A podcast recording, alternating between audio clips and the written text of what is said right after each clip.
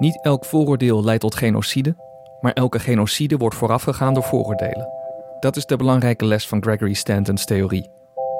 Genocide vindt niet van de een op de andere dag plaats, maar wordt door mensen bedacht, voorbereid en uitgevoerd. Daarom is het nodig om alert te blijven en waar ook ter wereld de voorstadia van genocide te herkennen en te stoppen wanneer dat nog mogelijk is. Met het herdenken van de slachtoffers van de Holocaust zorgen we dat we ze niet vergeten en dat wij niet vergeten wat discriminatie en uitsluiting teweeg kan brengen. De Italiaanse Holocaust-overlevende en schrijver Primo Levi zei het zo: Het is gebeurd en kan dus weer gebeuren. In 2020 is het 75 jaar geleden dat Nederland werd bevrijd. En vrijheid lijkt nu heel vanzelfsprekend, maar iedereen moet eraan blijven werken. We hebben lang niet altijd door hoe zuinig we erop moeten zijn. Vrijheid is van iedereen.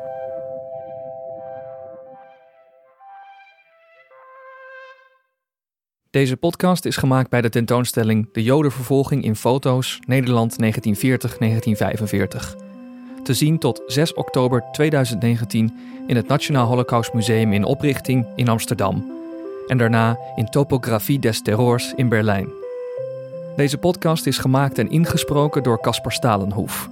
Het script is geschreven door Caspar Stalenhoef en Inger Schaap met hulp van Annemie Gringold. Aan het woord in de podcast kwamen Annemie Gringold, Laurien Vastenhout en Erik Somers.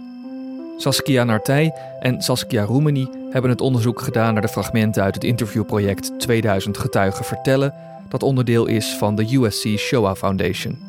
De gehele interviews zijn te beluisteren in het Joods Historisch Museum in Amsterdam. Het Joods Cultureel Kwartier brengt vaker podcasts uit. Je kunt je abonneren en meer informatie vinden op jck.nl/podcast.